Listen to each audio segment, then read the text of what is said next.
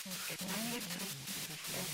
I I'd like to stay here all day, but I gotta I gotta go to Vegas. FBI leader. Ideally, no ideal team. But I want to say one thing to the American people. I have a dream. Hallo, hallo, og hjertelig velkommen til dagens Globus. Eh, Dette er et program i Radio Revolt som presser det lille studentfjeset ditt mot hybelvinduet og lar deg se omverdenen. I dag, Jarl Erik, hva skal vi snakke om? I dag så skal vi ha om olje. Olje. Det er spennende. Ja, det er jo veldig, et veldig internasjonalt tema. Energi, og altså se på hvordan det har påvirket eh, rundt i verden. Ja, du ser det hver dag. Eh, Den eh, plastkoppen du drikker av på fest, det er oljens skyld. Først tar vi en sang, gjør vi ikke det? Det stemmer. Hva skal vi høre? Black Rebel Motorcycle Club med Conscience Killer. Tøft. Ja, du hører på Globus her på Radio Revolt, FM 100. Eller kanskje du streamer på radiorevolt.no. I dag skal vi snakke om eh, olje. Og jeg er Martine Ellefsen, og med meg i studio så har jeg Jarl Erik Mathisen. Violetta Basa. Eh, Og Sigmund Grønli Bolme. Og det er fantastisk. Yes. Um, vi har jo også en av våre nye, Violetta, som har lagd eh, dagens, eller ukens nyheter. Um, de skal vi høre etterpå etter en sang. Ehm, men eh, gutter og jenter, ehm, olje. Hvorfor olje? Hva er spennende med olje? Hvorfor skal vi snakke om olje? Altså, olje er eh, kanskje den de, den ene ressursen som vårt moderne samfunn virkelig er avhengig av. Da. Det er sant. Um, siden vi er et utenriksprogram, så skal ikke vi snakke så veldig mye om norsk olje, men vi blir sikkert vinkla litt innpå det likevel. Norge er jo et eh, sentralt oljeproduserende men, og gassproduserende land, eh, så litt eh, så, blir det i forhold til Norge, men ikke noe særlig. Yes, men vi tar en sang før nyhetene. Vi hører Janelle Manoa. Good evening. The following newscast is of utmost importance to the security of our nation. Rettssaken mot folkemordstiltalte Radovan Karadzic fortsatte krigsforbryterdomstolen for det tidligere Jugoslavia tirsdag. Karadzic står tiltalt for folkemord og andre krigsforbrytelser, og saken mot ham ble gjennomtatt i den internasjonale krigsforbryterdomstolen i Haag mandag. Radovan Karazik er tiltalt for folkemord, krigsforbrytelser og forbrytelser mot menneskeheten under krigen i Bosnia. Rundt 100 000 mennesker døde i denne krigen. Minst 80 personer er omkommet, og 400 fryktes begravd i jordmassene etter skred i Øst-Uganda. Jordskredet skal ha begravd en hel landsby i det østlige Bududa til tirsdag. Jordskredet fant sted etter en periode med kraftig regnvær, og det er fryktet at flere jordskred vil utløses ettersom det er forventet at det kraftige regnværet vil fortsette. Hellas risikerer konkurs om ikke noe skjer raskt, mener statsminister George Papandreou. Hellas frist for å finne nye budsjettkutt i tillegg de allerede annonserte kuttene er 16. mars. Kuttene som alt er foreslått, har holdt ør til raseri og streikekaos i gatene. I første omgang må den greske regjeringen legge frem en troverdig plan for å kutte budsjettunderskuddet fra 12,7% i fjor til 8,7 i år. Et underskudd som fortsatt er langt større enn de tre prosentene som er forutsetningen for deltakelse i eurosamarbeidet. Samtidig må Hellas få kontroll over statsgjelden på rundt 300 milliarder euro, noe som tilsvarer rundt 125% av landets bruttonasjonalbruk. Islands statsminister Johanna Sigurdsdottir antyder at lørdagens planlagte folkeavstemning om den oppstridte IceSave-avtalen kan bli utsatt. Ifølge en ny meningsmåling som ble offentliggjort tirsdag, sier 74% av de spurte at de vil stemme mot avtalen. Avtalen innebærer at Island må betale rundt 30 milliarder kroner, rundt 100 000 kroner per innbygger, i kompensasjon til britiske og nederlandske bankkunder, bankkunder som mistet pengene sine da nettbanken iSave gikk over ende i 2008. Argentina uttrykker overfor Stoltenberg-regjeringen bekymring over at det norske selskapet Agere Group deltar i oljeleting utenfor Falklandsøyene. Dette er argentinsk område, og oljeboringer er ulovlig iverksatt av Storbritannia. Argentinerne, hevder argentinerne. En britisk oljering starter i disse dager prøveboringer, og det norske børsnoterte selskapet Agere Gruppe Maner og står for både ledelse av riggen og San Guardian. Argentina advarer Agere Group om at selskapet kan bli gjenstand for søksmål hvis det deltar i boreaktiviteter.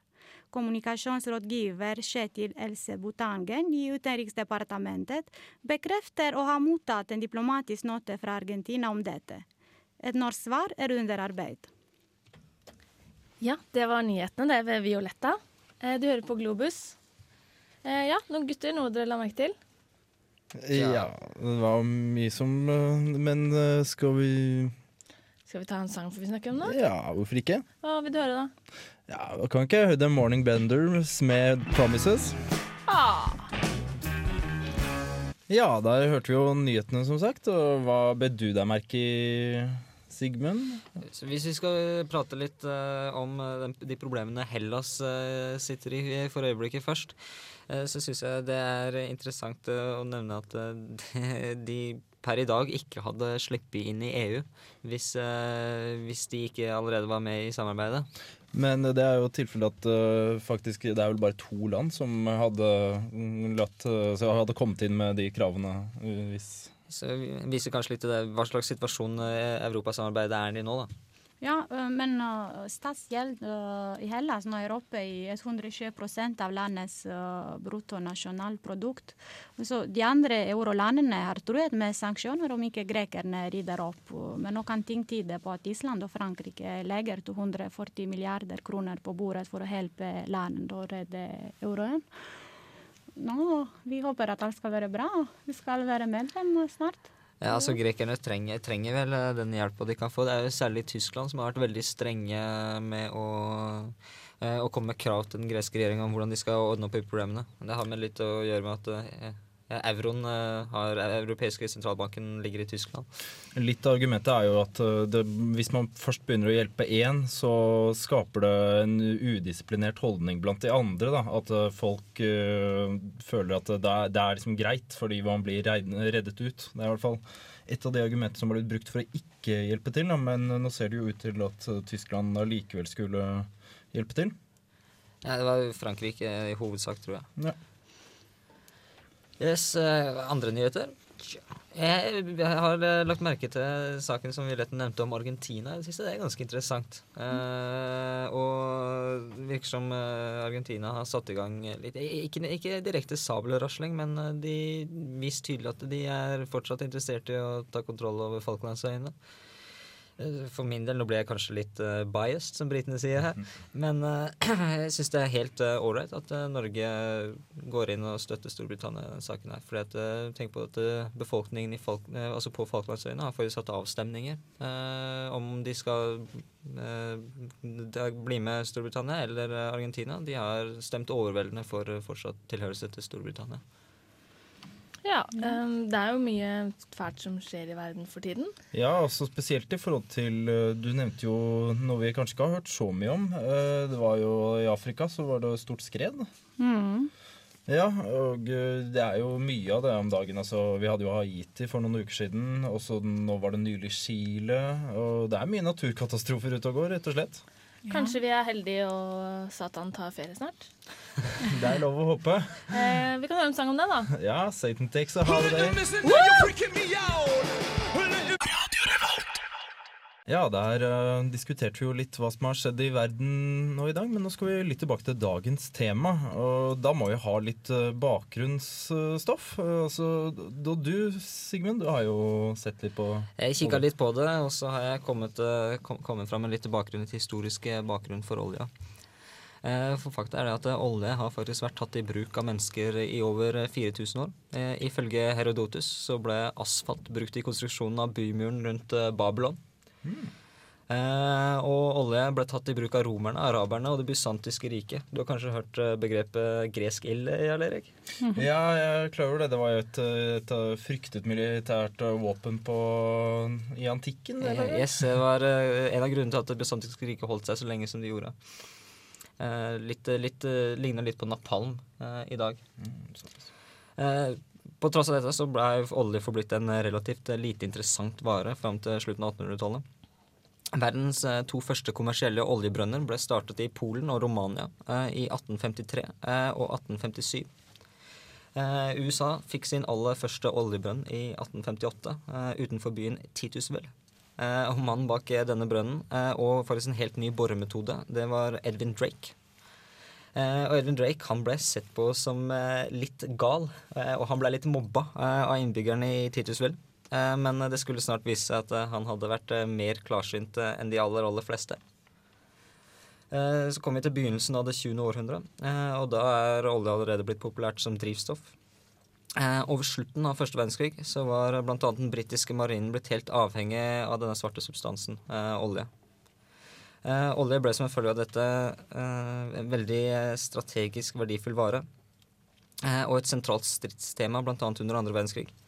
Hvis du ser på de tyske angrepene mot det sørlige Sovjetunionen og Rommels angrep i Egypt, så var det i stor grad satt i gang for å få kontroll over britenes oljefelter i Midtøsten og de russiske oljereservene rundt Kaukasus. Fra alliert side så var det britiske angrepet på japansk kontrollerte Sumatra satt i gang for å hindre at japanerne skulle få lov til å ta i bruk oljeraffineriene som lå der. Olje har eh, fortsatt eh, sin strategiske plass eh, helt siden andre verdenskrig.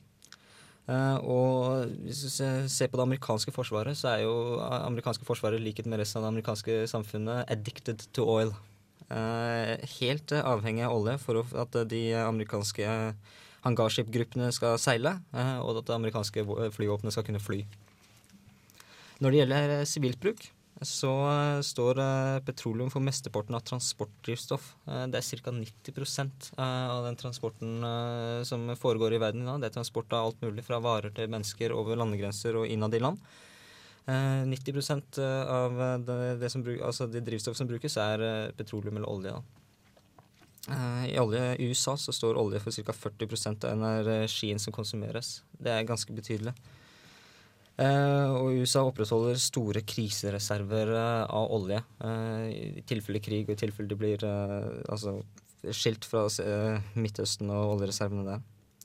Per i dag så er verdens største konsumenter av olje det er USA, Kina, Japan og Russland. Forventes vel kanskje at Kina skal ta over USA etter hvert. Eh, og de fire største produsentene er Saudi-Arabia på desidert uh, førsteplass, Russland, USA og Iran. Uh, også verdt å merke seg er at olje er den eneste råvaren eh, som har vært av stor nok betydning til å skape en internasjonal organi organisasjon med betydelig politisk makt. Eh, denne organisasjonen er kjent som OPEC, og jeg tror kanskje at vi skal høre litt om det seinere. Vi kan absolutt tilbake til OPEC. Ja. Eh, olje har vært eh, sentralt for utviklingen av en eh, globalisert verden, og fortsetter å være det, vår desidert viktigste energikilde. Eh, hva som kommer til å skje når oljen en gang tar slutt, det er mildt sagt spennende. Og det blir det også snakk om senere. Yes. Um, ja, vi har en kul fyr i radioen vi, som har funnet en sang til oss. En temasang. Lars Ekroll, eller Lars Rock'n'Roll, som jeg liker å kalle han. Um, det er Tower of Power fra 75, var det det var? Det var fra 70 Ja, det kan stemme. Det var rett eh, etter noen, bare noen år etter den store oljekrisen, så det kan godt stemme. Det passer bra med tanke på at vi nettopp har fått en liten historisk eh, update fra Sigmund. Skal vi ta og Kjøre 'Only So Much Oil In The Ground'. Ja, det, Sigmund hadde jo en uh, sak her hvor han viste at det var, er mye interesser knyttet til olje. Det er jo både brukt militært, og, det er, og der det er interesser, og blir det gjerne konflikter. Det gjør gjerne det. Ja. Eh, vi hadde jo et intervju med Gro Davidsen, som er eh, leder for Amnesty eh, i Midt-Norge, er det vel. Eh, og hun snakket om Shells oljeutvinning og gassutvinning i Niger-deltaet, og hva som skjer der. Eh, det er ganske mye menneskerettighetsbrudd og eh, veldig mye konflikter. da. Det har blitt et ødelagt område. Eh, kanskje vi bare skal ta og høre den saken?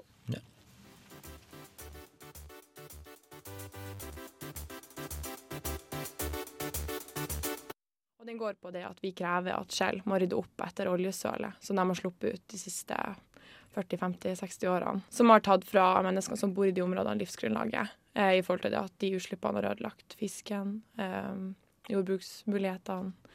eh, og har forurensa lufta, slik at det er nesten umulig å bo i de områdene uten å bli syk. Um, har de gitt noe tilbake til uh, nærmiljøet, eller har de bare utvinna olje og tatt profitten sjøl? Altså, um, oljeinntektene utgjør jo over 70% av Nigeria sin inntekt. Eh, så det er klart at Nigeria får eh, mye igjen for det. Eh, men folket i det området får ekstremt lite igjen for det, annet enn luftforurensning og at deres muligheter til å fiske og, drive jordbruk er borte. Så for dem har det egentlig kun negative konsekvenser. De har fått noen ting. De har fått noen, ja, de har fått noen bord. de har fått litt hermetikk. Så de har fått litt sånne små bidrag. da. Boksmat og bord. Ja. ja. ja. Mm. Martine, du var jo på demonstrasjon. Eh, nei, jeg var på um, den hva skal jeg si, konferansen eller som de hadde i Trondheim, på mm. FN-sambandet. og der presenterte de jo hele situasjonen med den dokumentaren. da. Og det jeg reagerte på, var jo at Shell hele tiden lover å rydde opp etter seg. Og de sier at de skal rydde opp innen da og innen da, og så fortsetter de hele tiden å, å utsette det, da. Og de i Niger-deltaet som jobber aktivt mot det, det er jo faktisk veldig mange av de som er aktive, de har jo reist til eh, de årlige konferansene Shell har i Nederland, og faktisk stått opp foran ledelsen i Shell da, og um, fortalt hva de syns, og krevd en forklaring på hva de skal gjøre. Og de har jo hele tiden lovt nei, vi gjør det neste år, vi gjør det neste år, da, så ingenting skjer. Og å se på alt det som, som foregår i det området, det er jo helt forferdelig. Det er jo Eh, veldig mange kvinner da, som mister barn under graviditeten, og mennesker som får hudsykdommer. Så det er jo veldig rart at ingenting blir gjort, da. Mm. Så jeg er veldig engasjert nå da, etter å ha sett den filmen. Ja, eh, hvilken film er det snakk om her? Eh, Amnesty har veldig mange kampanjefilmer som går på den situasjonen i Niger-deltaet. De ligger på Amnesty sine hjemmesider, så da kan man gå inn og se på dem. Eh, men den som blir vist eh, på det møtet som du snakker om, den 14. Eh, oktober, det var en film som, som heter Oil War, om jeg ikke tar totalt feil. Og den gikk litt på det du snakker om nå, hvilke konsekvenser det har for lokalbefolkninga i form av sykdommer, aborter osv. There's an old saying in Tennessee, I know it's vi sitter med Johanne fra Amnesty, og dere har jo hatt en uh, liten aksjon gående på Shell-stasjonen. Ja, eh, forrige torsdag så hadde vi en aksjon på en Shell-stasjon som ligger i Elgesetergata. Mm. Eh, og da var det 40 aktivister cirka, som møtte opp og som kledde på seg klær så de så ut som at de jobba i Skjell. Eh, hvite drakter, refleksvester, eh, og de hadde koster. Eh, så de gikk på en måte rundt og vaska eh, Shell-stasjonen da, og krevde at Skjell skulle gjøre det samme i, i Niger-deltaet, der de har sølt ut veldig, veldig mye olje. Mm. Hos, altså, sånne, sånne, aksjoner altså, um det, har jo en veldig, det er en veldig sånn påvirkning. Eh, det virker jo litt sånn, uh, som en litt sånn harmløs, men allikevel en veldig viktig aksjon. da. Ja, altså når folk går forbi eller kommer og fyller bensin, så ser de jo eh, og tenker hva er det her? Eh, og det viktigste for oss med sånne aksjoner er jo at folk skal, skal, se hva det er som foregår, og komme og snakke med oss og skrive under, eh, slik at underskriftene kan bli sendt til de som er ansvarlige. Mm. Eh, så det er vel det å få gjøre folk klar over hva som skjer. Det, altså, hva slags reaksjoner fikk dere på den demonstrasjonen? Folk var veldig positive. Eh, vi oppfordrer jo ikke til boikott eller noe sånt av Shell. Så det tror jeg de som jobber på de stasjonene var ganske glad for. Eh, men folk er veldig positive. Folk er veldig villige til å skrive under når de ser at Amnesty har aksjon. Mm. Mm. Hvordan, altså, um, du har jo også en sånn SMS-kampanje og sånne ting som også har gått på? Ja. Eh, har ganske mange medlemmer rundt omkring i Norge som svarer på SMS fra Amnesty. Og da går det på ofte sånne urgent-saker. Altså ting som hastesaker, der man f.eks. vet at en person er blitt eh, dømt til å bli henrettet, og man eh, vet at det kommer til å skje, eller tror at det kommer til å skje innen ei uke. Da er det sånn at man aktiverer det SMS-nettverket som Amnesty har, mm. Eh, eh, ikke bare i Norge, men i andre land også, da, til å, til å skrive under da, eh, på en SMS. det er 1960, det, er ikke det? 1960, ja. Stemmer det. Mm. There's an old saying in Tennessee, I know it's in Texas, probably in Tennessee, that says, Fool me once, shame on, shame on you. If fool me, we can't get fooled again. Yes, vi er tilbake her i Globus, og beklager litt teknisk feil. Det er jeg som er hyper på Red Bull. Eh, men nå skal alt være i orden igjen. Eh, vi snakker om olje, og det var et intervju med en i Amnesty. Det var ikke Gro Davidsen. Det var Johan Valtinsen, så vidt jeg husker. Det var det. Um, ja, folkens, hva syns dere? Ble dere litt opplyste om eh, konflikten i Niger-deltaet? Det er nok eh, noe man ikke hører om så ofte, men det skjer nok oftere man tenker over at du på en måte tar, tar ressursene ut av land, og så sitter igjen med altså, knapper og glansbilder. For å trekke inn litt uh, til hvordan vi her i Norge hadde når vi oppdaga olje, så vi, uh, var det sånn at vi hadde en, en, godt fungerende stat som klarte å ta vare på de ressurs, ressursene som vi fant, og klarte å tøyle til en viss grad de internasjonale oljeselskapene.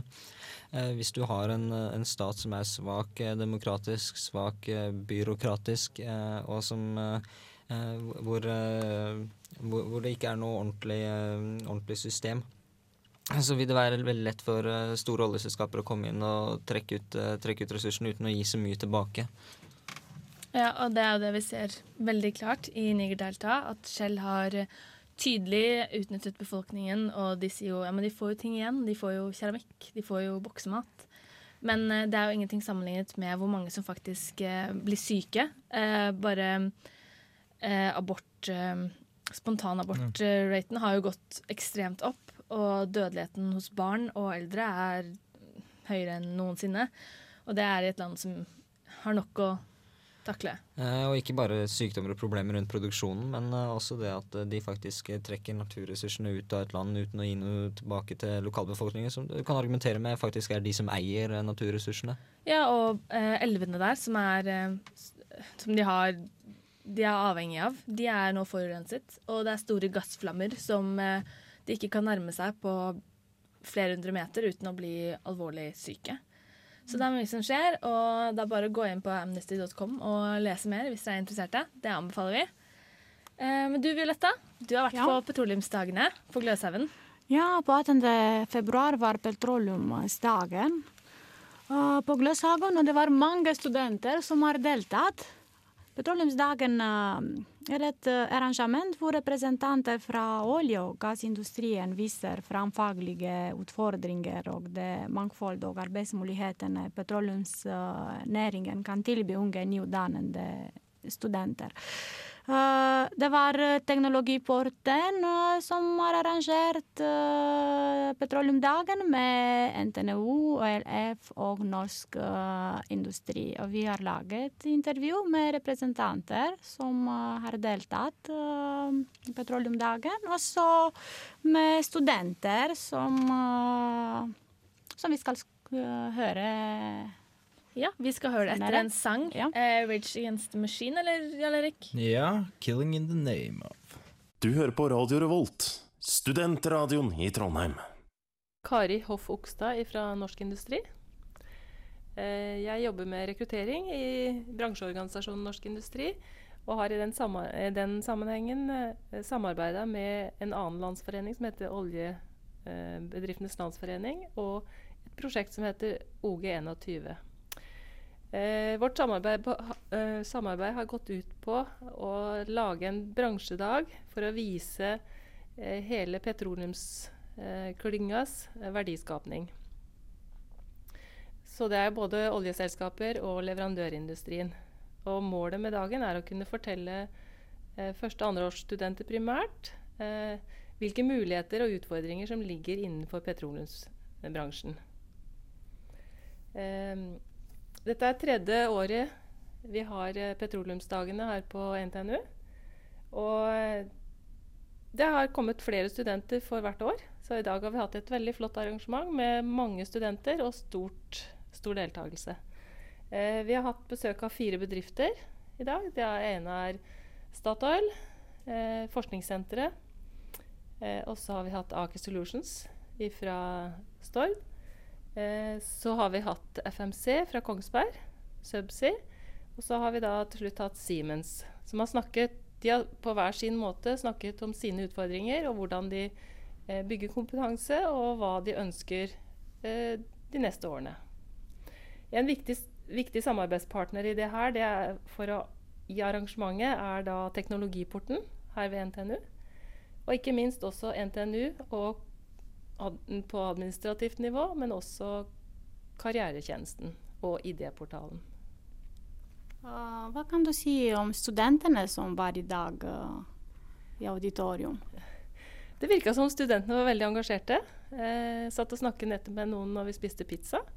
Eh, Førsteårsstudenter som syntes de hadde hatt stort utbytte av å sitte og høre på der. Selv om de følte at det var litt langt fram å velge, så fikk de noen ideer om hva de kunne tenke seg å velge av fagretninger. Og videre skal vi snakke med Jeg er Åge Søsen. Jeg er seniorrådgiver på studieavdelingen her ved NTNU, med spesielt ansvar for sivilingeniørutdanningen. Uh, og vi kom i kontakt med Norsk Industri for eh, tre år siden, uh, hvor de spurte om det var mulig å få til et slikt arrangement. Fra vår side så uh, oppfatter vi at studentene syns at sivilingeniørutdanningen og teknologiutdanning er teoretisk. Eh, og at eh, det ofte kan være vanskelig å motivere seg selv for å komme videre, og ikke minst å velge de riktige retningene når de kommer så langt. Derfor syns vi at eh, denne kontakten med norsk industri var veldig positiv. Og de har lyktes med å få tak i veldig gode representanter, ikke minst nyutdannede, som forteller hvordan de opplever overgangen. Og vi har også fått positiv tilbakemelding fra studentene at eh, de opplever eh, disse dagene veldig positive og motiverende, og at det gir dem en innblikk i en mulig fremtid som de ikke visste om på forhånd. Eh, Og det er åpenbart at det som var hensikten, nemlig å hjelpe dem med valgene som de skal gjøre videre i studiet, den er langt på vei oppnådd gjennom dette arrangementet. Ja, der hørte vi Swagger Me Flow med Beanie Man. Og før det så hadde vi jo et uh, intervju som uh, Violetta hadde tatt på om industri på industri, oljeindustrien fra petroleumsdagen på NTNU. Yes, eh, og det, det jeg får ut av det her, er at det er ganske tydelig at mange, mange unge mennesker, og sikkert ikke bare Norge, er interessert i å jobbe med olje og i oljeindustrien. Jeg tror at på tross av dystre for- eh, spådommer om at eh, olje etter hvert kommer til å slutte, slutt, så tror jeg mange ser på det som eh, fremtidig yrke. Ja, men eh, rent oljeteknologisk så vil jo en del av arbeidet også være å få pumpet opp den oljen til billigst mulig pris. Altså rent eh, Vi har jo utviklet teknologi der. Blant annet så fyller de opp eh, oljefeltene med havvann for å utnytte det bedre. Ja, altså. Mye av teknologien Men det er jo en del utvikling der som Det er, det er vel noe å gjøre. Ja, altså vil du iallfall kunne få, få arbeide mange forskjellige steder i verden. Mm. Eh, interessant, interessant er at det norske, norske olje For å gå på Norge. Norsk eh, oljeteknologi og oljeproduksjon og selskaper er jo eh, veldig tungt inne i mange, mange, mange land, bl.a. eh, i Venezuela. Ja, og i Spania. Det kommer spanske masterstudenter til Gløshaugen som istedenfor å skrive masteroppgave, så er de i Norge et halvt år og studerer petroleum. Og så slipper de å skrive masteroppgaven når de kommer tilbake til Spania igjen. Mm. Så det er mange som utnytter Norges kunnskaper om olje. Yes. Skal vi eh, gå videre og kose oss litt før vi tar time to? Ja, det må vi jo. Ja, da gjør vi det nå. Radio Revolt. Gjør som alle store verdensledere og hør på Globus her på Radio Revolt hver onsdag fra 12 til 14. Violetta Drott. Ja, du hører jo på Globus her på Radio Revolt, og uh, nå får vi si at eh, Violetta hun eh, dro nylig, og vi har fått inn en uh, ny mann som skal snakke om uh, de litt økonomiske aspektene ved olje og i verden. Ja, det er gøy å være her. Hva det, heter du? Og navnet mitt, vi skal ta det også da. Det er da Runar Sivertsen, også et medlem av det eminente Globus-crewet her på Radio Revolt. Yes, Herlig. Hvor gammel er du? 24, Å ja, flott. ikke, ikke singel. Ikke singel. Ja, det var synd. Eh, ja, vi eh, Du kan høre på oss på FM 100 eller på radiorevolt.no. Send oss en mail på globus etter radiorevolt.no til alle døgnets tider. Det blir lest. Du får sikkert et koselig svar. Eh, eller ikke så koselig òg, hvis du har ris. Eh, reprisene våre, det må vi nevne. De sendes De ses på søndag søndag. fra 10 til 12. Mm. Og, og faktisk eh, klokka 10 til 12 på natta på mandager Da sender vi også. Eh, hva snakker vi om i dag, folkens? Hva som jeg nevnte, eh, olje. Olje. Det er jo internasjonalt eh, tema. Absolutt. Eh, vi snakker om olje på mange måter. Vi har vært gjennom eh, Nigerdeltaet, Afrika. Eh, Sigbjørn har gitt oss en eh, historisk gjennomgang. Eh, vi har snakka Ja, men nå skal vi snakke om nå, da. Økonomi. Det var derfor, er det ikke derfor vi har fått inn Runar, altså Globus eminente økonomiekspert. Oh yes. Alt er økonomi, vet du, folkens. Alt er økonomi. Det skal jeg sitere deg på. Men uh, først så skal vi kanskje ta en låt med Eels og Gone Man. Ja, vi har som sagt fått inn vår økonomiekspert Runar, og du sa jo før her at eh, alt er økonomi. Og det gjelder vel olje òg? Alt er økonomi, og det gjelder olje òg. Men før, når jeg var ung og naiv, så var jeg liksom ikke sånn beinhard på det at alt var økonomi. Og når jeg hørte at vi hadde om olje, så dro minnene meg tilbake til min eh, første time i naturfag på videregående her i byen. På ærverdige Trondheim katedralskole. Da fikk vi en timinutters oppgave, hvorav oppgaven besto i skriv hva som er positivt og hva som er negativt med oljeindustrien. Så tenkte jeg, det var litt gøy. Så tenkte jeg, Hva mente jeg var positivt og negativt for rundt det regna sånn åtte-ni år siden. Så jeg tenkte å ta dere med gjennom den lista. da. Positivt med oljeindustrien. Vi får drivstoff til kjøretøy. Vi får brensel, gir varme og propan. Vi får plast lagd av olje som finnes i så å si alt. Og legg merke til denne spennende parentesen. Alt fra sexleketøy til moderne tannfyllinger. Det, det skrev du i første klasse videregående. Det var veldig, da, jeg tror man skriver mer sånne ting når man er liksom 16-17 og litt sånn pubertal, som det så flott heter. Jeg syns den var fin, jeg. Bygningsmateriale, energiform som er lett å transportere. Olje gir asfalt, olje gir inntekter, gir arbeidsplasser. Så jeg var litt inne på økonomi der også. Ser Ja. det? Og så negative ting, selvsagt. da. Jeg var tydelig veldig opptatt av dyr og planter. For følgende ting er negativt med oljeindustrien. Vi ødelegger planter og dyreliv. Det blir færre dyrearter. Ødelegging av miljøet, farlig utslipp, store oljeplattformer ødelegger utsikten. Det er et veldig negativt punkt. Hæ? Er, er det et veldig stort problem? Er, tydeligvis. Det står på lista mi. Oljeskip som går på grunn, ødelegger strandområder for dyr. Altså nok en gang dyr. Og legg merke til det siste punktet her, som også er veldig bra. Det blir farlig for menneskene å spise sjødyr i store mengder dersom de sjødyr har fått olje i seg. Wow. Ja, ikke sant? Du var en opplyst eh, tenåring. Jeg syns det. Så, men altså, det viktigste her jeg har jeg fått med meg, som kanskje er moralen også, er vel det at uh, olje og, og oljeindustrien har både veldig mye positivt og veldig mye negativt med seg. Og som vi skal se etter hvert også, så kan vi sikkert uh, sette det inn i en større sammenheng. Ja, absolutt. Um, vi har jo annet laget en sak om OPEC. Den skal vi høre senere. Men først skal vi ta en sang av Elephant Nine, som har John Tinnick. Ja, der eh, hørte vi jo litt om hva Runar gikk rundt og tenkte på når eh, han gikk på videregående. Men eh, du har jo tenkt litt andre tanker nå som du har begynt å bli en økonom og sånt. Og hva, hva mer har du å si om olje eh, nå eh, for tiden, da? Ja, Det er merkelig hvordan mennesker utvikler seg i løpet av noen år på skolebenken. Fra før var fascinert av at olje var i plastikk, og plastikk var i tannfyllinger og sexleketøy. Som i utgangspunktet er kanskje mye mer spennende for veldig mange av lytterne der ute enn det jeg skal snakke om nå. Så skal jeg snakke om nå hvordan olje bare fra 70-tallet har vært årsaken til tre store resesjoner. Pga. den store nedslagsfeltet olje faktisk har, og den nødvendigheten det er det internasjonale markedet for olje. Jeg vurderte et lite øyeblikk også å trekke inn kriger skapt av olje, og begynne å snakke om Irak-krigen, men så fant jeg ut at vi har bare et to timers program, og ikke et to måneders program, så dere får bare unnskylde meg dem. Og hvis veldig mange har lyst på temaet olje og krig, så får de sende Globus en eh, e-post. Så tar vi veldig gjerne det, for det er et fantastisk interessant tema. Yes. Send mail. Til Globus, alfakrøll, radiorevolt.no. Det er så nydelig. Ja, for at jeg tenkte jeg skulle starte på 70-tallet. For olje på, I 1973 til 1975 så fikk USA en latterlig stor resesjon, som selvsagt forplanter seg utover hele verden, og som ofte skjer når USA får resesjon, rett og slett fordi de er knytepunktet for verdensøkonomien. Enda. Nå kan man å si hva skjer i Asia, hva skjer i Kina, men jeg vil fremdeles påstå at USA ennå har en sentral brikke i verdensøkonomien. Det som skjedde, var da at eh, OPEC de tok og på grunn og holdt igjen produksjon for å få pressa opp prisene på råvarene de produserer. Vil si at man i løpet av noen få måneder fikk en firedobling av oljeprisen. Noe som gjør at Se for dere alle industriorganisasjonene. Se for dere eh, alle bensinutgifter. Se for dere utgifter i forhold til produksjon av hardplast som brukes i diverse annen industri. Plutselig blir en av de viktigste kriteriene for å få produsert det her fire ganger så dyrt. Noe som gjør at du får en prisspiral utover like prisene bare presser oppover. Noe som gjør at ting blir dyrere. eh, mens folk tjener ikke mer penger. Som gjør at hele landet automatisk får problemer da, med å kunne handle de her varene og få produksjonen her til å gå i gang. Noe som gjør at du får en stillestans rett og slett i store deler av verdensøkonomien pga. at én råvare har blitt pressa opp fire ganger pris.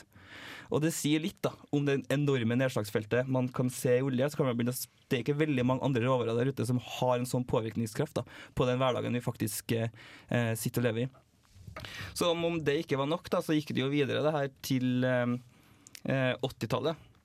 Når det igjen skjedde det samme, bortsett fra at denne gangen her så var det diverse eh, eh, diverse eh, stopper i produksjon som gjorde at man rett og slett fikk for lite olje. Noe som gjør at da blir det tra eh, tradisjonell markedsøkonomi. Tilbud etterspørsel. Hvis tilbudet etter noe er veldig stort, men eh, etterspørsel Nei, omvendt. Beklager, kjære lytter. Hvis etterspørselen er veldig høy, men tilbudet er veldig lavt, så går prisen nødvendigvis veldig opp, for da er det mange som slåss om det samme gode. Eh, og når man da har lite av det gode, så går prisen opp. Og da får man igjen akkurat den samme effekten som vi beskrev i sted, med en spiral ut av det ville like. Prisene går opp, eh, folk hyler, ting blir dyrere, og folk mister jobbene sine, og man får resesjon. Eh, igjen på Så kom vi da til 90-tallet. Så skjedde akkurat, akkurat, akkurat det samme igjen. Man hadde problemer med lån og opptak av sånne type ting. Folk fikk ikke penger til å kunne kjøpe olje. Hva gjør folk da? De som produserer olje, tenker vi får ikke solgt oljen vår. Da må vi gjøre olje til et mer scarce good, eller et mer etterspurt gode. Vi skrur ned produksjonen, eh, det blir mindre av det, prisene går gjennom taket, og vi har den samme spiralen igjen. Eh, Hvis man skal trekke et eksempel til eh, moderne historie, så husker dere kanskje strømkrisen som skjedde i California. Der det satt et par menn og skrudde strømmen av og på bare for å få prisene til å gå opp og ned, for å få tjene mest mulig penger ut av den stakkars innbyggerne i California. Litt sånn er det også utgangspunktet for dem som sitter og kontrollerer det totale opptaket eh, av eh, olje. Da. Og det sier litt om hvor mye makt som ligger i organisasjonen eh, OPEC. Ja, akkurat det med Hvis vi skal gå rent lokalt, så kan du jo si at uh, hvordan man styrer vannreservoarene her, har jo også en viss påvirkning for uh, markedspris på strøm. Så energi er i det hele tatt viktig. Eh, Se på eh, eksempel på det Runar eh, prater om, hvor mye makt oljeproduserende og gassproduserende land faktisk har. Se på det presset Russland har vært i stand til å legge på EU. Eh, altså i eh, de konfliktene som har vært de siste åra. Ja, og press på organisasjoner som driver det, var du jo inne på her med OPEC, og det har jo jeg og Martine laget en liten sak på. Ja, litt sånn for de som ikke har så lett for det, kanskje. For alle forståelse. Absolutt. Så vi får håpe at eh, den eh, er lett eh, fattelig. Yes, her er den.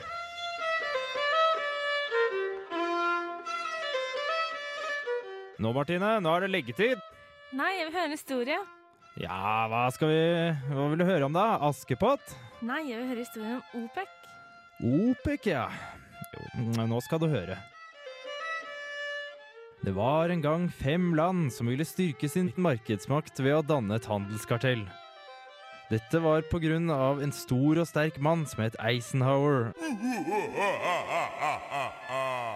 som hadde innført kvoter for inntak av olje i landet sitt USA, som ligger langt, langt borte.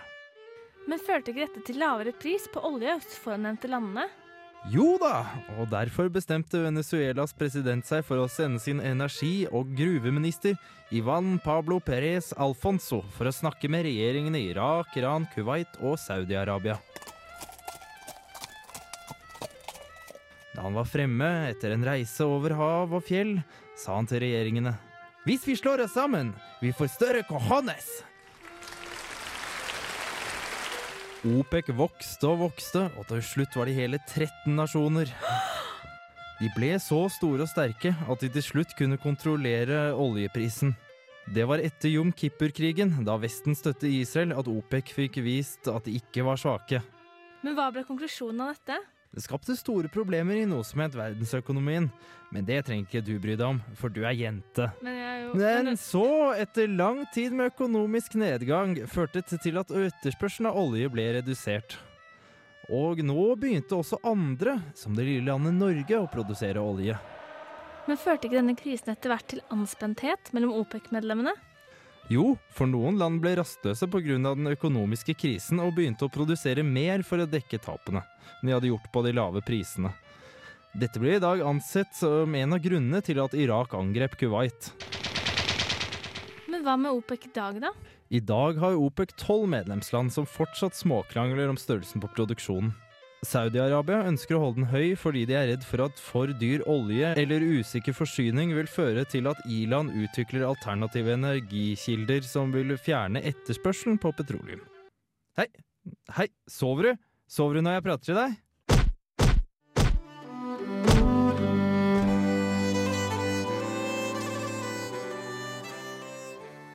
Ja, det var Det var en liten sak om OPEC, ja. Eh, ja. Eh, laget av to oversette globusianere. Jeg synes det var en flott sak, jeg. men vi har på en måte brutt én liten lov, Globus-lov, som jeg syns vi må rette opp. Det er det å bruke forkortelser uten å si hva forkortelsen betyr. Så for dere lyttere der ute som lurer på hva er denne OPEC eh, Dere har sikkert forstått at det er en organisasjon, men OPEC er ikke et navn. Eller det er for så vidt et navn, men det betyr noe. Det står for nå skal jeg prøve å ta det veldig sakte.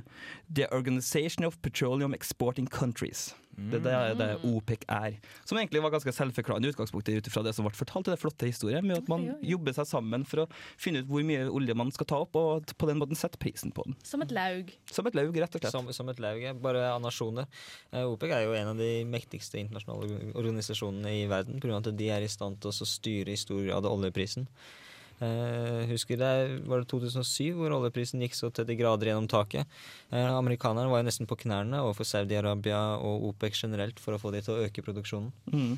Og Det var jo det vi snakka om litt tidligere også. Hvordan når en så viktig råvare, som er på en måte livsnerven i så mye produksjon, går så mye opp, så vil det rett og slett skape følge, altså følgeendringer pga. prisøkningen som rett og slett setter hele nasjoner inn i resesjon. Og det er ganske alvorlig når man ser på hvor stor makt i utgangspunktet da, som ligger i den organisasjonen. For drar man det litt langt, da, så kan man godt si at hvis OPEC har villet, så har de kunnet liksom sittet og bestemt hvordan forholdene skal være i Kina hvordan forholdene skal være i USA, rett og slett for at totaløkonomien i de to landene er så avhengig av prisen på olje.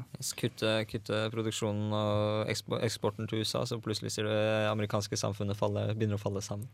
Men det er klart at øh, problemet for øh, oljeeksportører i, er jo at de er jo samtidig nødt til å selge varen sin. Da. Og det er klart at hvis etterspørselen senkes, så vil de jo få problemer med det òg. Ja, det altså, altså Hvis man skal være i det konspiratoriske hjørnet, som vi har havna litt i nå, da, så har man jo fort kunne hatt muligheten til å si mm, vi er litt usikre, vi er villige til å gå inn en 30-årsavtale der vi kun enten eh, selger til Kina eller til USA. Så har de fått en budkrig mellom de her to nasjonene. Da har de virkelig bare kunnet presse prisen på denne oljen. Men heldigvis da så finnes det lover og regler som regulerer mulighetene for å gjøre sånne type ting. Men jeg syns det er likevel viktig å ta det opp i debatten, rett og slett bare for å vise hvor stor nedslagsfelt og hvor mye makt som ligger i råvaren olje. da. Yes. Eh, Du kan jo for så vidt eh, si at Norge Hvis vi går på Norge og den produksjonen vi, eh, vi holder på med, så Sånn som Jarl Erik var inne på, at eh, de som eh, landa som produserer olje, de er kanskje ikke så interessert i å altså, eh, utvikle fornybar energi. Eh, Norge skyter er på en måte et unntak her, skyter seg sjøl litt i foten. vi burde egentlig ikke være interessert i fornybar energi i det hele tatt. Nei, vi har jo ikke så mye olje igjen, har vi det? 50 år? det, det er litt morsomt med de estimatene på olje. Da, for det er sånn, man sier hele tida om, om sånn eh, Man starta vel allerede på 80-tallet. Så om 20 år da er det tomt for olje. Og så gikk det 10 år, så sa de om 20 år da er det tomt for olje. Så gikk det 9 år, 10 år, så sa de om 30 år så er det tomt for olje. Og så gikk det 5 år til, så sa de folkens, om 50 år da er det tomt for olje. Og jeg tror da litt med det vi har om, at eh, når tida går framover, så finner, er det også ny industri, det er nye måter å lete og hente opp olje på. Og så hvor store ressurser som faktisk er der ute. Jeg sier ikke at det er uendelig. Jeg har altså tolka meg dit hen at det ligger uendelig med ressurser med olje der ute, som det bare finner nye og bedre måter og teknologi å bare ekstrahere på. Men jeg sier at det er veldig vanskelig da, å sette en alder, så jeg tror egentlig det er riktig å tenke på andre måter enn Norge kan starte å tjene, ha en stor eksportnæring på. Thorium, hvem vet. Men iallfall eh, et sånt eksakt mål på årstall tror jeg er veldig vanskelig. Da. Ja, Et problem er jo at uh, med en gang prisen på olje blir høyere, så blir straks uh, flere felter også drivverdig. fordi man har jo også funnet felter med olje som per i dag, med den oljeprisen vi har, ikke vil lønne seg å utvinne. Og det er jo én ting. Men det vil jo selvfølgelig også ha med hvor høy etterspørselen er. Eh, og teknologi, ikke minst. Den teknologien du har eh, i dag som for å annet få eh, olje opp fra veldig store dyp, er betydelig mye bedre enn det du hadde for bare 20 år siden. Ja, vi kan vel kanskje si at uh, prosessen har forbedret seg, og Kaizers Orkestra de har også en sang om prosessen. Ja, nå har vi jo snakket en del om olje og hvordan det påvirker verdensøkonomien. Og hvordan det kanskje er eh, Altså hvordan det skaper såpass Avhengigheten av det er veldig problematisk, rett og slett. Så, men er det noen egentlig alternativer til dette? Så Vi snakka litt om det her tidligere, Jarl Erik. eh, Og du, du har jo eh, iallfall begynnelsen på det du kan se på som alternativer. Du har eh, vindkraft, bølgekraft, eh, vannkraft her i Norge spesielt. Men, men også kjernekraftverk, altså, som potensielt kan overta en god del av eh, eh, energiproduksjonen fra altså, kilder som eh, olje, kull og gass. Ja, det har vi jo nevnt før, men kjernekraft er jo blitt mye mer stuerent, om du kan si det så, enn det var før. Altså betydelig tryggere enn det du hadde tidligere. Ja, det blir jo nå bygd store, store kraftverk i Saudi-Arabia. Så det virker som de har tenkt at det skal ta over for oljen etter hvert. Eller i hvert fall være en eh, backup. Det er jo interessant å se hvor de tar veien. Um, For rotte, det å ha masse rotter i bur, så kan kanskje ikke produsere nok strøm. Jeg trodde alltid det var liksom en løsning da jeg var liten. Det var veldig mange. Også, så jeg tror liksom det aspektet med oljen som går på energi, det tror jeg vi er enige om gjennom den diskusjonen her også. Der har vi mange gode alternativer. Eh, verre tror jeg er i de store produksjonsområdene der olje bare er en ingrediens i sluttproduktet. F.eks. veldig mange typer hardplast osv. Der er det veldig mye vanskeligere å erstatte oljen med et, annet, med et annet produkt. Men bare med å få på plass energi, da, så det har vi jo kommet veldig, veldig eh, langt på vei. Og det er jo spennende å se hvordan det jobbes med muligheter nå på tvers av verden. Der man har mye sol, har man gigantiske solcellepaneler som ligger ørken. Der man har vind, har man vindmøller. Der man har masse eh, brått hav, har man både bølgeenergi. Så man ser at man ser på mulighetene der ute, og hva, som ligger i dem. Men problemet er jo ennå totaløkonomien, og det er dessverre sånn, da, som jeg har bra standhaftig sagt tidligere i programmet, at økonomi er alt. Og så lenge det ikke er lønnsomt, og så lenge det ikke er støtteprogrammer for å gjøre ulønnsomme i gåseøyne eh, ting, så vil det også ikke være tilstrekkelig initiativ da, til å begynne med de nye energiformene. Så skal man virkelig satse på det, så må oljen bli så dyr at det er billigere med f.eks. Eh, eh, eh, luft og eh, gasskraft osv. osv. Altså det stemmer nok helt riktig. Økonomien er veldig sentral. Bare se på de eh, altså forhandlingene og samtalene du hadde i København om eh, begrensning av CO2-utslippet, hvor da olje er jo absolutt et stort problem. De, de, de falt sammen. Ikke sant? Du kan ikke si noe annet. Selv, selv om Obama prøvde å si at det redda stumpene, så, så falt de sammen. Jeg syns også det er litt morsomt med gasskraft Nei, med, med, beklager, med, med atomkraft nå. Hvordan man ser at det er jo utgangspunktet eh, forurensningsfritt. Problemet med gasskraftverk sier jo veldig mange. Det forurenser med ny teknologi. Forurenser ikke så masse, men det er min politiske mening, så den skal ikke diskutere mye med dere. Eh, Kullkraft forurenser, det er jo alle enige om. Eh, og så har man vindkraft som er dyrt å utvinne osv. Men liksom, eh, atomkraft kan man forsvare. Det er en høy investering, altså innkjøpsutgifter er høy, men driftskostnadene er også høy. Men det man får ut av det, er liksom en trygg eh, Nå påstås man med den nye teknologien veldig trygg energikilde som ikke forurenser i det hele tatt. Og spørsmålet er da, er det er det, det som er framtida? Er det det vi bør satse på? Bør man bare bygge masse atomkraftverk rundt omkring og si at nå har vi strøm som ikke forurenser, så må vi finne et jævlig bra måte å lagre det avfallet etter hvert på, da. Jeg vet ikke, Hva tror dere? Du nevnte jo det med thoriumkraftverk. Nå er det riktignok en del uh, fram i tid, men så vidt jeg vet så er det snakk om også at du kan forbrenne gammelt atomavfall i thoriumanlegg. Men igjen så blir jo dette et stykke fram i tid. Yes, altså, så, så, så per i dag så er det vel mer tradisjonelle kjernekraftverk som, som er alternativet. Og som vi snakker om, så lenge de kan gjøre oss trygge nok, så er en ypperlig energiform og en ypperlig, ypperlig altså alternativ til eh, petroleum, da. Ja, nei, jeg skulle bare si at ja, Problemet med, som vi har sett nå, med nyere andre alternative og fornybare uh, energikilder, er jo at uh, de må subsidieres. og det har jo, Etter at Tyskland kuttet i det for noen uker siden, så har jo også det norske firmaet REC uh, gått ned på børsen. Ja, en, en ting jeg lar meg provosere over, da, er liksom mangelen av å tenke totalitet der ute. For at alle sammen sier på verdensbasis må vi kutte. ikke sant? Vi må få ned utslippene.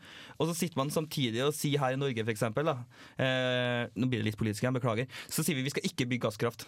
For gasskraft forurenser. Men samtidig, når vi har eh, eh, eh, kraftkrise i Norge nå, hva gjør vi? Vi importerer eh, strøm gjennom det skandinaviske strømarbeidet. Og hva som ligger inni der? Det er kullkraftverk fra Danmark. Og det spyr jo ut i forhold til hva et gasskraftverk vil. Og sånn er type sitter på sin egen haug og tenker sitt eget utslipp, gjør man overalt. da. Og så lenge man ikke er villig til å se totaliteten på det, så tror jeg også det blir vanskelig å få til et stort global redusering. For det må jo være sånn hvis vi kan bygge et gasskraftverk for å kutte tre kullkraftverk, så vil jo verden grunn av det, ser jeg for meg.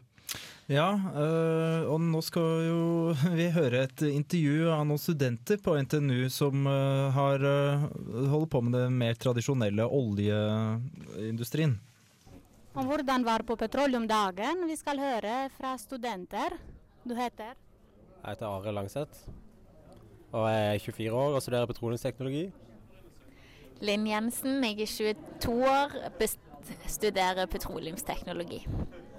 Anders Tonning, 23 år, studerer petroleumsteknologi.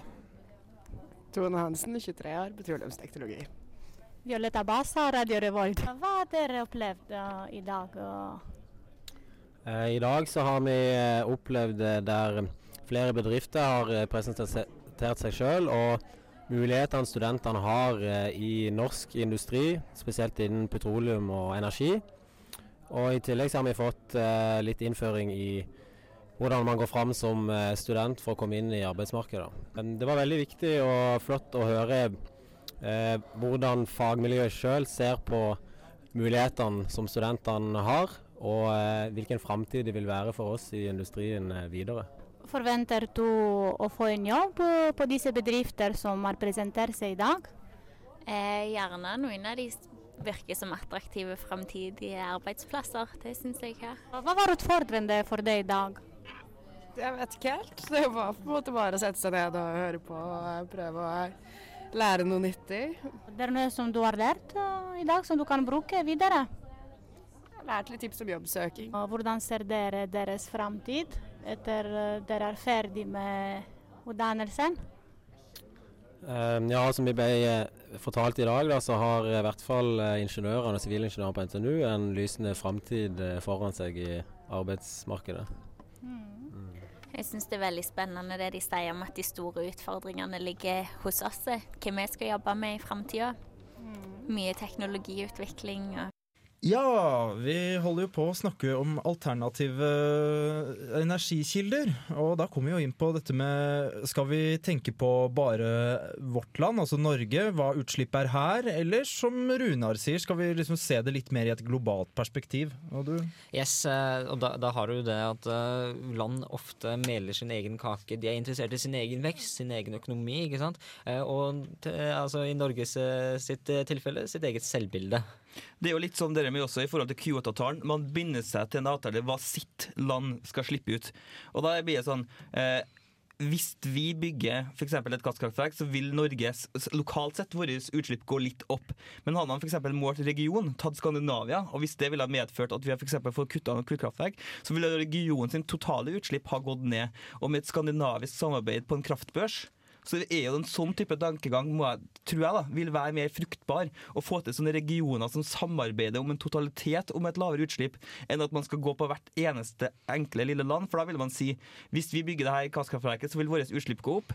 Så får Danmark bare slite med sine høye utslipp pga. deres kullkraftverk. Yes, og Samtidig som eh, den teknologien som finnes bl.a. i mange vestlige land, eh, den, må, den må ut. eh, Og den, den må gis videre, og det må bygges nye, nye altså ikke, ikke nødvendigvis kullkraftverk, men gasskraftverk, eh, energistasjoner. Altså for å kunne utnytte det potensialet som ligger der. Se på det, for, eh, som, altså Kina har jo betydelig med eldre eh, kraftverk som, som nå spyr ut. Eh, og der, der har du mye å hente på teknologien, altså.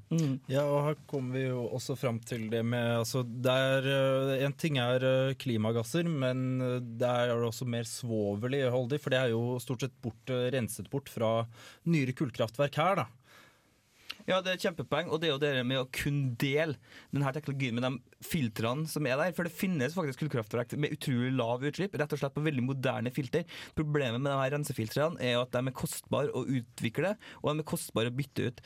Men hva med da hvis man f.eks. tenker i stedet for å ha tiltak der man tuner sitt gasskraftverk til å være bitte litt mindre forurensningsaktør, for det blir jo en sånn der eks ekspansiv kurve, ikke sant? Når det allerede slipper ut veldig lite, så koster det jævlig mye å få det til å, å forurense enda bitte litt mindre. Hvis man tar de pengene ut, man kjøper fullt av sånne filter og sprer dem utover f.eks. Eh, gamle Sovjet og, og andre regioner som har slitt med å ha en sånn der type teknologi, da, og presentere det og gir det til dem, for så måtte være med å redusere det totale utslippet, så blir det litt sånn vi har Jeg tror konklusjonen er ganske klar ut ifra det vi har snakka om. Jeg lurer på det, altså Konklusjonen må vel da være at uh, mer samarbeid over landegrenser, og så må stater ta seg litt sammen, prøve å unngå å mele sin egen kake, sånn som vi har nevnt. Det er et godt poeng. Uh, nå skal vi høre Pelbo med Zoom In. Jabba Man bigging up all the gang them looking hot and ready and sexy. You're listening to Radio Revolt in Atran MCT. Yo, you know how we're doing it. Lock it up. Boom! Ukas alternative synspunkt. Ja I dag så er det de som har ansvaret for ukas alternative synspunkt eh, på Globus. Eh, så har det jo seg slik at det er bikkjekaldt ute, så jeg gidder ikke ta fem på gata for å høre hva de syns. Og derfor så tenkte jeg at jeg bare skal intervjue folk jeg jobber med, som sitter her og jobber hardt. Og um, du er nye. Ja. Eh, hva er navnet ditt? Gaute. Gaute. Du, hva, hva tror du om uh, krigen i Irak? Uh, andre, andre Gulfkrig, kan du kalle den. Um, var den starta pga. olje, eller 9-11, eller hva tror du? Eh, jeg tror den ble starta pga. sand. Pga. sand, faktisk. Ja. eh, USA hadde stort sandtap på strendene i California. Og ergo trengte de å fylle opp litt. Og da fant de ut at Irak hadde den beste kvaliteten på sand i eh, verden. Turi, du er ikke fullt så ny. Hva tror du? Yes. Uh, hva, hva sa du egentlig? Sand? Uh, olje. Olje. Saddam Hussein. Saddam Hussein. Yes, han var en liten uh, Han var en liten slemmen. Og du da, Are? Hæ? Hva syns du om uh, krigen i Irak? Irak? Ja. Holder den på enda? Uh, tror du at det var hva, hva var årsaken til at USA gikk til krig med Irak? Hvorfor? Ja. Um, nei, eh, blanda egentlig. Det var jo egentlig for at eh, Bush skulle ha noe å gjøre, føler jeg, for det meste. For at han skulle holde seg i stolen sin, på en måte. Det er som sagt veldig mange teorier ute og går om hva som var årsaken til krigen i Irak.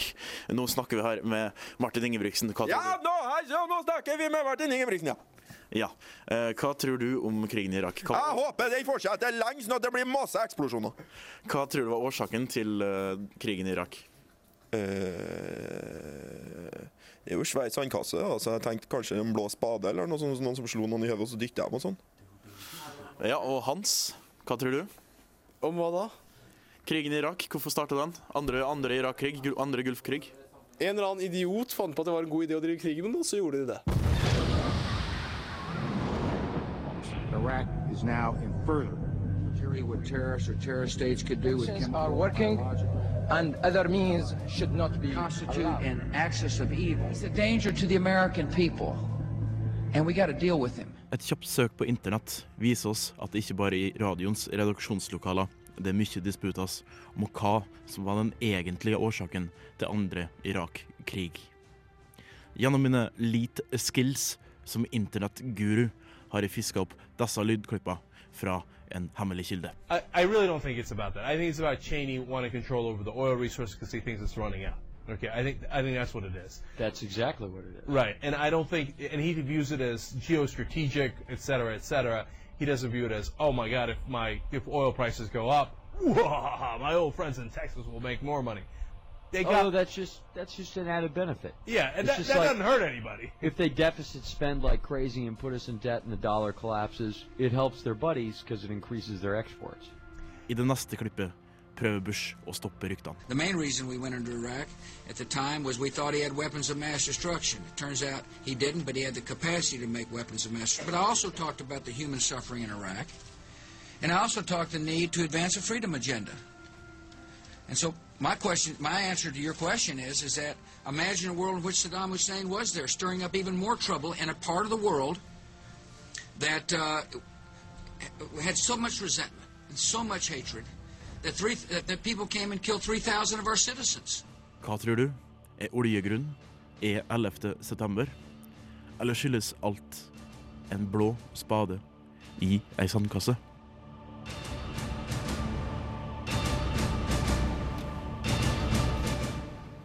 Ja, det var jo en sak Anders hadde laget her. Det var interessant å høre. Spesielt eh, som du nevnte med den blå spaden. Er det den eh, du tror det kommer av? Altså, det er jo litt diffust hva det egentlig handler om hele Irak-krigen. Eh, noen vil jo da eh, tro at det her er en eh, ressurskrig, altså en krig om olje, fordi at de er redd for at det går tom i Mexicogolfen og i Texas og i Alaska og alle de andre plassene der de pumper for harde livet. Um, mens andre tror at det er 11. september, og at Al Qaida hadde noe med det å gjøre, fremdeles. Selv om, ja. Um, Mye tyder på at det ikke nødvendigvis At det ikke er noen kobling mellom Saddam og akkurat islamistiske grupper, om han har gjort mye annet rart.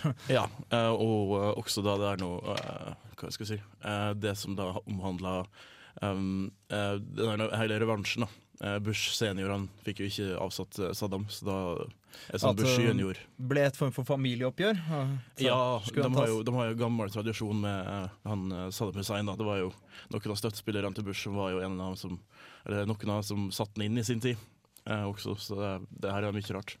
Du kan tenke sånn som uh, du har uh, ting, ting som tyder på at uh, de er neokonservative var ute etter å ta Saddam Hussein lenge, før de faktisk kom til makta i 2001. Eh, hvis du ser på internettsida Project for a New American Century, så ser du brev som er skrevet til Bill Clinton i 97-98, undertegnet bl.a. av Donald Rumsfeld og Paul Wolfowitz, som sier at det er nødvendighet å ta knekken på Saddam, og bl- blant annet fordi det er i Amerikas interesse å ha kontroll i Midtøsten. Eh, du- Man kan fort uh, se for seg at en to for én-løsning. ser jeg for meg. Altså USA som en nasjon blir tryggere på to måter. Én, man får avsatt uh, det de velger å kalle en despot, som er en trussel for sikkerheten i landet. Og to, man gjør seg mindre avhengig av uh, internasjonalt markeder i forhold til olje, med at man kan kontrollere oljeressursene i, på en måte i et land. Og så, måte, så har du to veldig sterke insentiver da, til å foreta seg noe. Jeg ser fort for meg at det kan være en kombinasjon og ikke enten-eller. Ja, jeg tror nok litt at problemet med å kastrere Irak er at du ender opp med et sterkere Iran. Da. Så det er ikke sikkert at det nødvendigvis noe At det nødvendigvis har løst så mye. Eh, Men kan jo også si at eh, jeg tror kanskje alle har litt eh, rett i det de sier nå. Altså USA har jo hatt en sånn linje ganske lenge da, på å ha kontroll i, i, Midt, i Midtøsten. Da gjennom da sin, sine handler med f.eks. Saudi-Arabia, med andre land som Kuwait eh, og ja. eh, Der de da har militærbase og betaler mye, penger for det og ja, kjøper mye olje av disse landene. her da. Um, og det er jo, det er jo en, en, en fast, uh, fast uh, supply av olje da, ganske lenge. Ja, Det er jo et paradoks at eh, USA eh, var veldig frampå å si vi er klar at den krigen her kommer til å ødelegge en del for oljeutvinninga, men, men vi skal hjelpe dere hvis dere bare lar amerikanske oljeselskaper få etablere seg der i etterkant av krigen. Så skal dere få en del av oljen vi produserer, men resten sender vi selvsagt hjem til, til Uniten. Yes, eh, Det ser ut som om eh, det er, eh, olje i alle fall har vært et ganske tydelig insentiv til å sette i gang krigen. Og som Anders snakker om her, den kontrollen som USA er ute etter i, i Midtøsten, bl.a. gjennom Saudi-Arabia, sin allianse med Saudi-Arabia. Jeg har alltid sett på den alliansen som ganske rar, for de to landene er jo Altså, de burde i utgangspunktet hate hverandre. Hvis du ser på verdiene, verdiene de har, og hva slags politiske systemer de styres under. Saudi-Arabia er et kongedømme med eh, adel som sitter i de viktigste posisjonene, mens eh, USA som er en republikk. Ja, det kan jo nesten være litt rart å se i forhold til Iran, som på enkelte punkter faktisk er kommet lenger uh, i forhold til kvinnefrigjøring på noen steder, selv om selvfølgelig ikke det er noe perfekt styre, det heller. Nei, og Apropos alternative kraftkilder, så har jo Iran allerede starta med det vi spådde kanskje var framtida, gjennom atomkraft. Mm. Men det, det ble jo tatt som en sånn altså, Det blir så frykta da, at Iran skal plutselig ha atomkraft, og det skjønner jo, de har jo en ganske spesiell leder borti der. Um, men igjen da, så er det jo ja, det, altså, det er jo, um, som dere sier, veldig interessant. Da, siden Iran er jo i, i, i mange ting et veldig sånn, vestlig samfunn. Da. De, er veldig, de, er veldig glad i Europa, f.eks., som jeg syns er ganske rart. Uh, og, og, Saudi-Arabia er ikke det i det hele tatt. da. Altså, Iranerne liker jo å kalle seg sjøl persere. De, er- de er ikke arabere i det hele tatt, de er persere. ikke sant? En betydelig eldre kultur.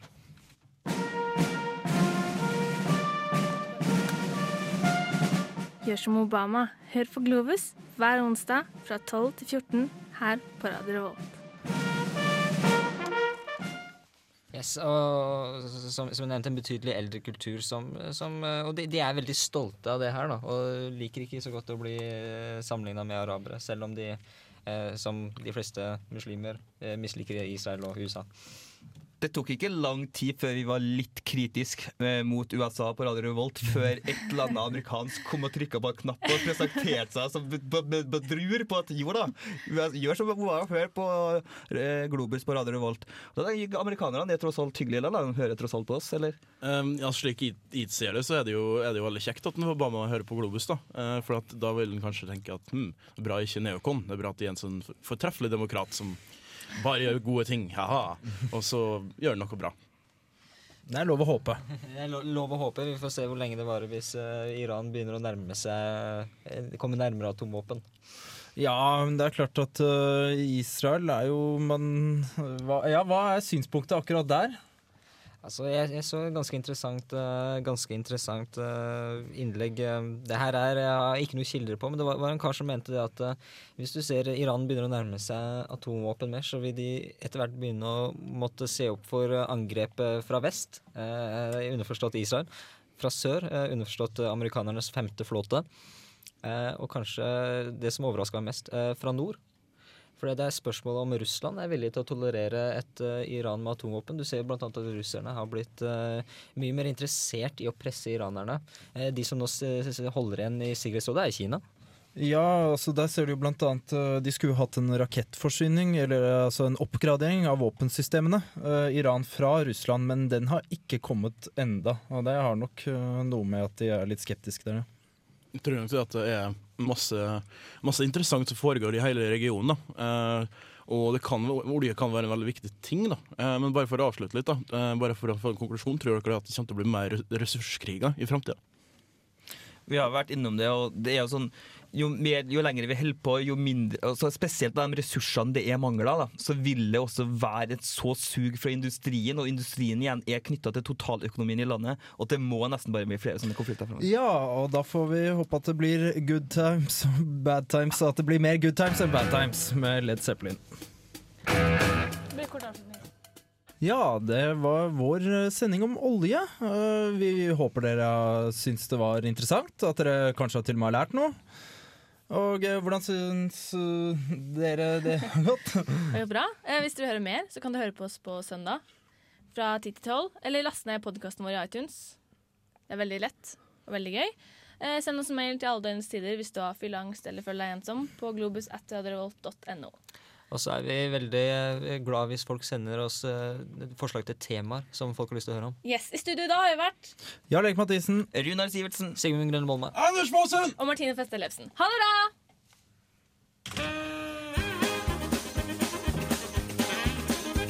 I am behind these evil acts.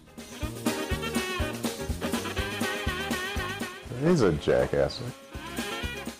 Gjør som alle store verdensledere og hør på Globus her på Radio Revolt hver onsdag fra 12 til 14.